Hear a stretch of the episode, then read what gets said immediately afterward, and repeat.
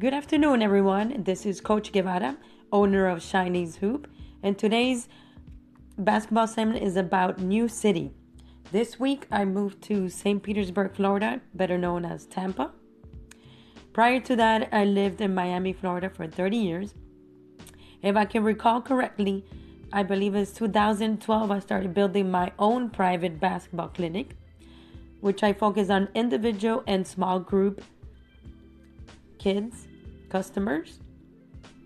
And I built a pretty amount of, I believe the most I had was 12 clients throughout the years.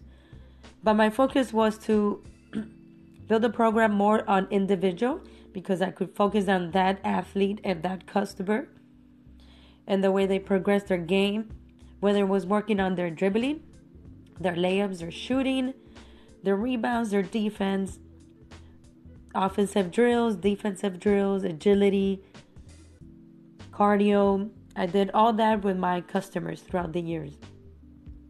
And moving moving to St. Petersburg this week, I have no customers. I don't know anybody. So how does one build a basketball program not knowing anybody? That's my question for today. The segment is New City. How do I build a basketball program not knowing anybody? Once again, this is Coach Guevara. Goodbye and good night. I'm out.